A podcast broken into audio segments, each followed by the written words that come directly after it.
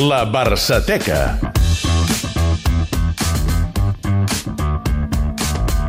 Eudal Serra, bona tarda. Bona tarda. Avui l'Eudal ens recorda un fitxatge que va portar a cua pel Barça, bàsicament per d'on venia. Sí, i que després ha estat sent un personatge clau en el futur del Barça, no només com a jugador primer, sinó després com a entrenador. Avui fa 22 anys, finals de maig del 96, Luis Enrique Martínez deixava el Madrid, on hi havia jugat els últims 5 anys procedent abans de l'Sporting de Gijón, per fitxar pel Barça. L'Asturià arribava al Barça amb la carta de llibertat després d'haver acabat contracte amb el Club Blanc.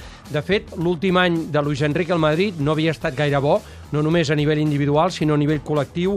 El Madrid va tenir un molt mal any, va acabar sisè a la Lliga amb tres entrenadors, Valdano, García Remón i Arsenio Iglesias, que acaba, va acabar fent d'entrenador aquella temporada. Doncs bé, a finals de maig arribava un acord amb el Barça i anunciava el seu fitxatge així. Es una nueva etapa para el club, para mí, para todos y bueno, lo único que intentaré es eh, ayudar eh, al máximo como, como un profesional y bueno, conseguir el mayor número de títulos posibles. També explicava per què va acceptar la proposta del Barça, perquè en tenia algunes altres damunt la taula. Bueno, siempre hay cosas que pueden ser importantes y cosas que, que se puedan detallar, pero en general yo ficho por el Fútbol Club Barcelona, por la institución y, y, bueno, intentaré ser lo más útil posible. I com tu deies, Costa, va ser... Una veueta, no? Sí, sí, li ha canviat és molt la les veu. veus canvien, eh? eh fa 22 anys, eh, Sí, sí. segur que cap de nosaltres tenia la mateixa veu fa 22 anys enrere. No. sí. Sí? Tu no l'has canviat gent. Bé, deies tu abans, un fitxatge polèmic, sí, perquè era un jugador de caràcter, visceral, ja ho havia estat al Madrid i hi havia gent que no li va fer gaire el pes.